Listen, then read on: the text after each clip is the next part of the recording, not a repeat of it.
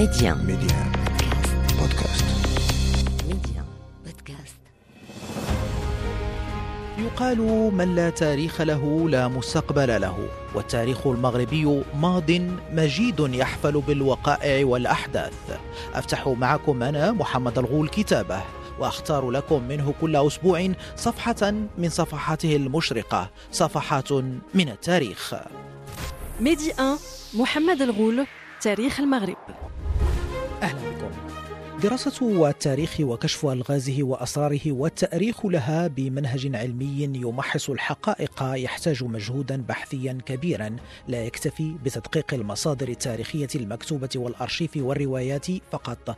فهذه يطالها التشويه والتحريف وقاصرة عن نقل كل الحقائق خاصة عندما نتحدث عن العصور القديمة وتاريخ غني وضارب في عمق الوجود البشري. مثل التاريخ المغربي يعد نموذجا لهذا هذه الصعوبات في تأريخه وتمحيصه بهذه الطريقة. من هنا تأتي الأهمية الكبيرة لعلم الأركيولوجيا أو علم الآثار المهتم بدراسة الآثار المادية للإنسان منذ بداية تواجده على هذا الكوكب.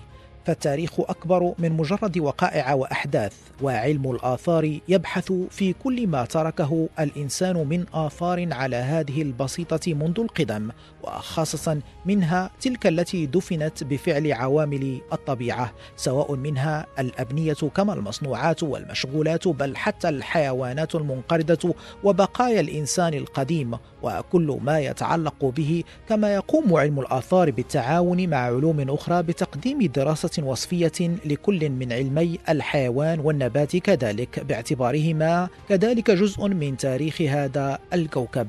هذا المجال البحثي التاريخي شهد تطورا كبيرا في المغرب في السنوات الأخيرة وهو ما سمح بالعديد من الاكتشافات التي تؤكد بأن المنطقة الجغرافية المغربية تعد مهدا للبشرية والتاريخ البشري. الأبحاث الأركيولوجية بالمغرب ركزت على عدد من المواقع التي تؤكد قدم التواجد البشري بالمغرب كما ركزت على مجموعة من المواقع المرتبطة بالممالك الآمازيغية المورية وكذا الرومانية وبعدها الفترة الإسلامية. ويلعب في هذا الإطار المعهد الوطني للآثار والتراث دورا كبيرا جدا وسمحت الدراسات والأبحاث الكثيرة في هذا الإطار بتعقب سلاسل تطور صناعات مثل صناعة الخزف مثلا بأبحاث في مواقع بمناطق الريف وتمكروت وابن سيدال وسلا وآسفي أبحاث أخرى تمت على مستوى قصر الجابر بفيجيج مكنت مثلا من التعرف على تطور الأشكال العمرانية والمعمارية وتقنياتها بالمغرب. والذي يميز الأبحاث الأركيولوجية بالمغرب في السنوات الأخيرة هو أنها أخذت طابعا دوليا بتعاون مع مجموعة من المؤسسات ذات الطابع التاريخي في عدد من الدول خاصة في فرنسا إسبانيا وإيطاليا. اولا بحكم الغنى التاريخي والإنساني لمواقع المغرب وثانيا بحكم التداخل الطبيعي للتواجد البشري ما بين هذه الدول والمناطق ضمن مجالات البحث الأركيولوجي. نجد كذلك مواقع النقوش الصخرية وفي المغرب عدد متميز منها بعضها محمية وأخرى غير ذلك مكنت دراستها من كشف ألغاز كثيرة لتواجد الإنسان القديم بالمغرب وأساليب حياته ومصادر تغذيته والحيوانات التي كانت تشكل النسيج الطبيعي المحيط به لهذه المساحة الجغرافية المتمثلة بالمغرب.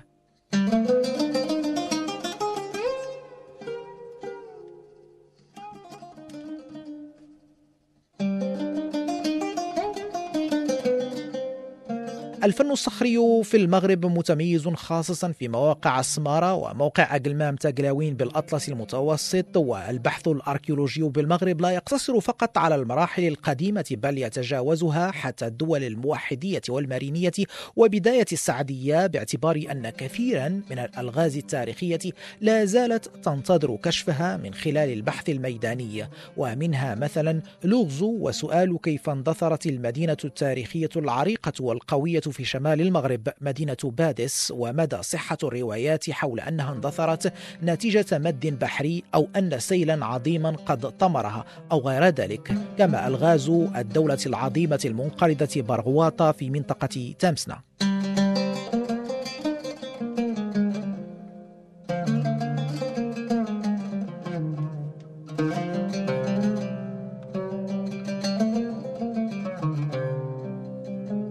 بداية البحوث الأثرية في المغرب كما يؤكد على ذلك عدد من الباحثين قد يكون يرجع إلى النصف الثاني من القرن التاسع عشر على يد الباحثين الأوروبيين. وهو في بدايته أي هذا البحث كان بأهداف استعمارية واضحة لا تخفى على الدارسين والمهتمين بالمجال. لكن ذلك لا يمنع من كونها وفرت معطيات ومعلومات مهمة وغنية. وأول الباحثين في النطاق الجغرافي للمغرب كانوا من الإسبان والفرنسيين.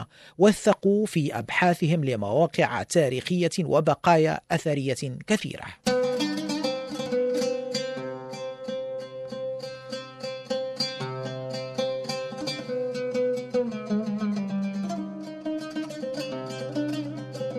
بداية الأبحاث الإسبانية حول التراث الأركيولوجي المغربي قد تكون بدأت في نهاية الخمسينيات من القرن التاسع عشر فبموجب الأمر الملكي المؤرخ في الواحد والثلاثين من أكتوبر العام 1859 تم تكليف إيميليو لافوينتا ألكانتارا بمرافقة الجيش الإسباني الذي كان آنذاك يخوض حرب تطوان العام 1860 وذلك قصد دراسة الآثار والنقوش المكتوبة الموجودة موجودة بهذه المدينة ثم استمرت هذه الأبحاث التوثيقية مع رحالة مثل خوسيه ماريا مورغا ورامون غودينيز ألفاريز وساتورنينو خيمينيز نوريش الذي قام بثلاث رحلات إلى المغرب العام 1882 و 1883 و 1884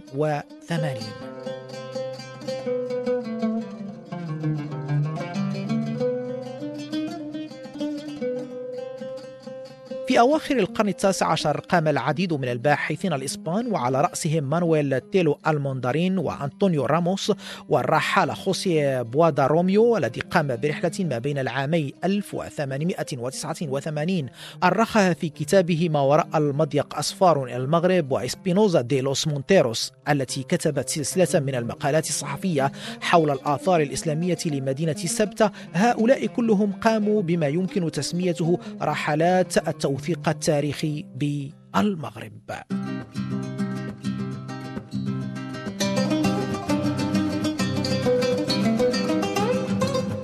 وللمزيد في الموضوع موضوع الأركيولوجيا والتاريخ بالمغرب نستضيف لكم الأستاذ جمال البقعة الإطار في قطاع الثقافة دكتوراه في التراث والأركيولوجيا باحث مختص في مجال النقوش الصخرية. أستاذ جمال مرحبا بك معنا على Medi Un في تاريخ المغرب. مرحبا بك سي محمد ومن خلالك مرحبا بمتتبعيكم الكرام متتبعي إذاعة Medi Un بطنجة. أستاذ جمال موضوعنا اليوم في تاريخ المغرب هو موضوع ربما لا نتطرق له كثيرا عندما نتحدث عن التاريخ الأركيولوجيا آه، كشق من البحث التاريخي شق متميز ربما لا يتم التطرق له كثيرا. نحن نعلم في المغرب بأنه هناك الكثير مما يمكن الحديث عنه في هذا الإطار. ربما سأبدأ معك أستاذ الكريم من سؤال آه، أبرز المواقع المصنفة أثريا آه، أركيولوجيا على الصعيد الوطني.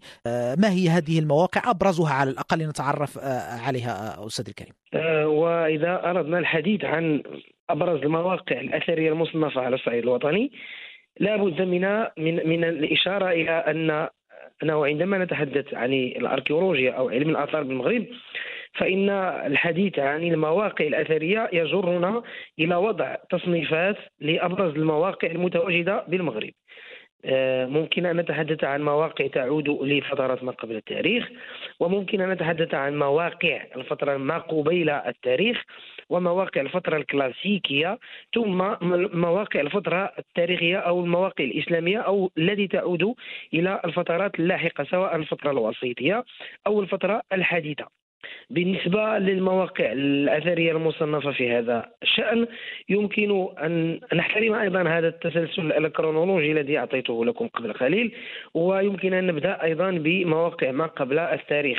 إذا كنا نتحدث عن مواقع ما قبل التاريخ فإننا آه، نخص بالذكر المغارات والكهوف والمآوي آه، التي كان يسكنها الإنسان الذي عاش في فترات قديمة جدا تعود إلى آلاف السنين آه، يحدها العلماء في ما قبل التاريخ ومن جملتها مثلا مغارة الحمام أو مغارة تفوغالت متواجدة بإقليم بركان وأيضا آه، مغارة أو موقع بيزمون بإقليم الصاورة ثم منطقة أو موقع إيغود بإقليم اليوسفية.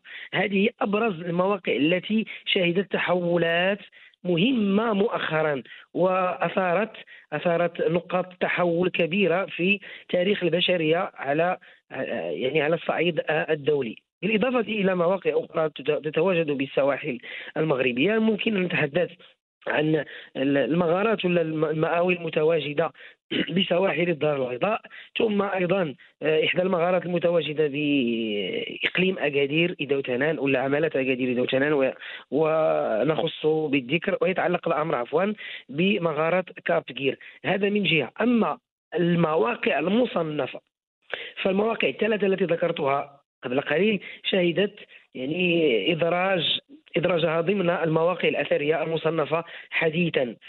وتنضاف أيضا طبعا للمواقع التي سبق وذكرتها فكلها مواقع أو أغلبها مواقع مصنفة على التراث الوطني. بالإضافة إلى إلى ما ذكرناه يمكن الحديث أيضا عن مواقع ما قبل ما قبيل التاريخ ويمكن هنا أن نجركم بالحديث إلى مواقع الفن الصخري. مواقع الفن الصخري هي منتشرة بالمغرب وتنقسم إلى قسمين هي هي الأخرى تنقسم إلى إلى أقسام يعني قسمين. هناك مآوي تضم رسوما صباغية وهناك مواقع مواقع في الفضاء المفتوح تضم نقوشا صخرية منجزة على لوحات صخرية مترامية الأطراف بمجالنا المغربي وتتواجد نسبة كبيرة منها بصحرائنا المغربية. أستاذ جمال هل يمكن تحديد أبرز هذه المواقع ديال الفن الصخري لأنها تحيل على التواجد البشري القديم جدا على مستوى خريطة التاريخ المغربي؟ طبعا طبعا أستاذ سي محمد يمكن أن نتحدث عن أكبر المواقع أو لا المناطق التي تضم أكبر المواقع من حيث العدد ومن حيث التنوع الموضوعاتي الذي تحتويه هذه المواقع. ولا بد أن نبدأ من إقليم سماره إقليم سمارة هو من أقاليمنا الصحراوية أو الجنوبية العزيزة على على قلوبنا وتضم مواقع ممتدة للنقوش الصخرية.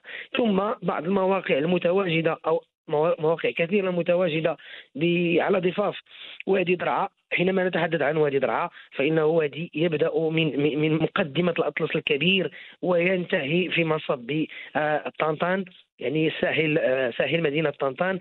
كل هذه المسافة تتواجد بها مواقع للنقوش الصخرية. وهي الأخرى يعني هذا واد درعا تصب فيه روافد هي الأخرى تضم آه، على جنباتها مواقع للنقوش الصخرية.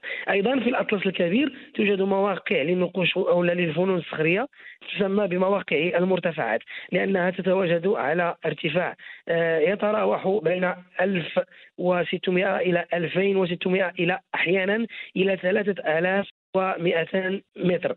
هنا لا لا لا, يعني لا نبالغ.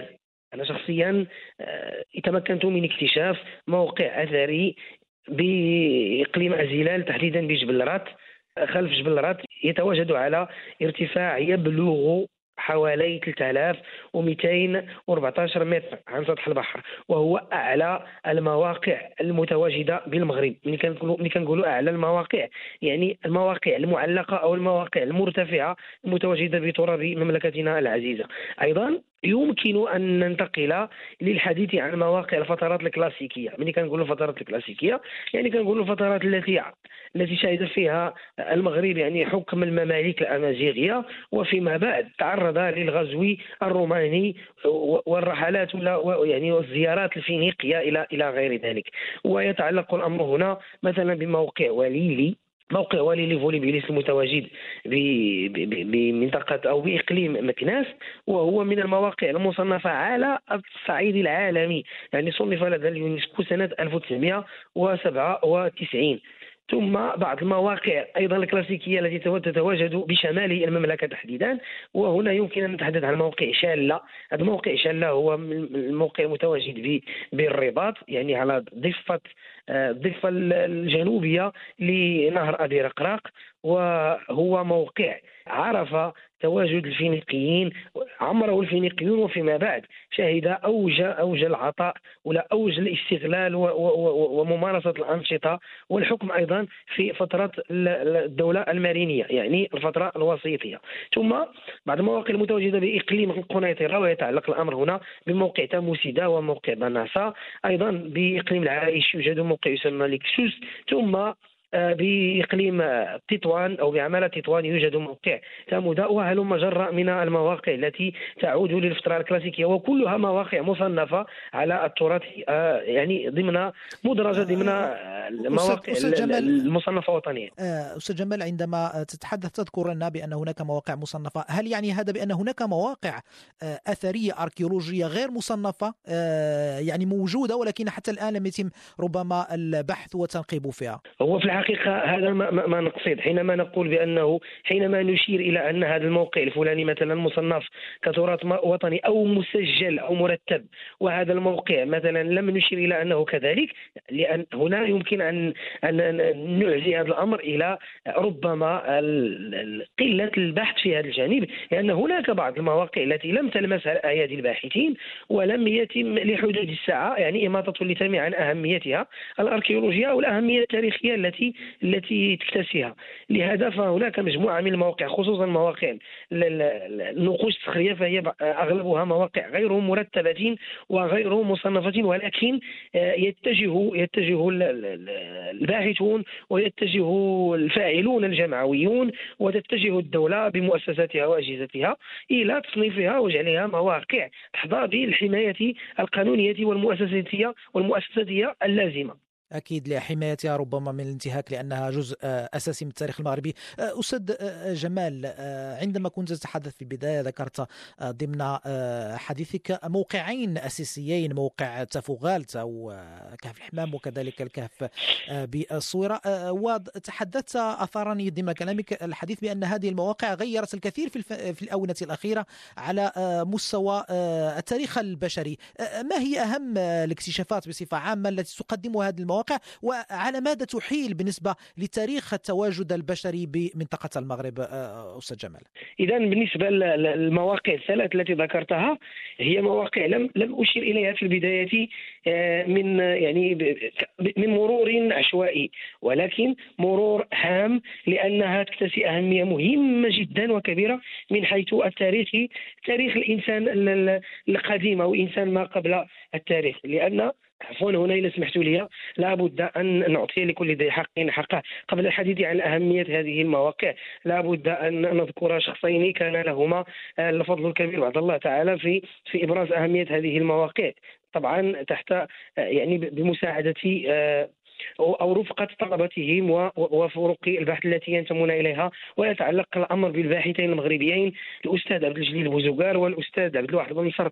الأستاذ عبد الواحد بن نصر هو الأستاذ هو المدير السابق للمعهد الوطني للعلوم الآثار بالرباط العلوم الآثار والتراث بالرباط والأستاذ عبد الجليل بوزوغار هو المدير الحالي لنفس المعهد. وكلاهما كان لهما يعني فضل كبير في تبيان الأهمية الأثرية لهذه المواقع. مثلا موقع آه، جبل إيغود بإقليم اليوسفية. تم فيه العثور على جمجمة لإنسان تعود إلى آه، حوالي 300 ألف سنة وهي تدل على آه، بقايا الإنسان العاقل العاقل يعني الإنسان الذي نحن ننتمي إليه يعني كسيرورة وكاستمرارية فنحن نتأصل من هذا من هذا الإنسان الذي تم العثور عليه. وبالتالي فإن أقدم بقايا الإنسان العاقل بالعالم فهي فهي متواجدة بهذه المنطقة أي بموقع جبل إيغود وهو الموقع الذي آه، عرف دينامية كبيرة آه، من حيث الاهتمام الذي أولته له وزارة الثقافة مشكورة آه، نظرا للأهمية التي هي اكتسيها. بالإضافة أيضا إلى موقع بيزمون وهو كهف أو مغارة متواجدة بإقليم الصويره آه، يبحث فيها الأستاذ عبد الجليل وزوغار رفقه آه، باحثين مغاربة وباحثين أجانب. فتم فيه العثور على أقدم الحلي المستعمله بالعالم. يعني حينما نقول أقدم الحلي فتشير الدراسات إلى أنه تم فيه العثور على حوالي 30 صدفية بحريه 30 صدفية بحريه التي جمعها الإنسان القديم الذي عمر تلك المنطقة واستغلها لصناعة قلادة أو حيل كان يتزين بها آنذاك. وهو نفس الأمر الذي يتعلق بمغاره فغاله الحمام حيث تم فيها العثور على بعض بعض البقايا التي تعود إلى الإنسان الابيروموريزي وهو الإنسان الذي يعود تقريبا إلى حوالي 10000 إلى 15000 سنة من الآن. أستاذ جمال البوقعة الإطار في قطاع الثقافة دكتوراه في التراث والأركيولوجيا باحث مختص في مجال النقوش الصخرية شكرا جزيلا لك على كل هذه المعطيات القيمة. شكرا أستاذ سي محمد على الاستضافة وشكرا على الثقة التي وضعتموها فينا ومن خلالكم نجدد الشكر لمتتبعيكم ومتتبعاتكم الكرام والكريمات متتبعي ومتتبعات آه، إذاعة Medi Un ولكم مني آه، وافر الاحترام والتقدير والسلام عليكم ورحمة الله وبركاته. متابعينا أذكركم بأنه يمكنكم الاستماع وإعادة الاستماع لكل أعداد تاريخ المغرب عبر تحميل تطبيق Medi Un Podcast إلى اللقاء. Medi 1 محمد الغول تاريخ المغرب.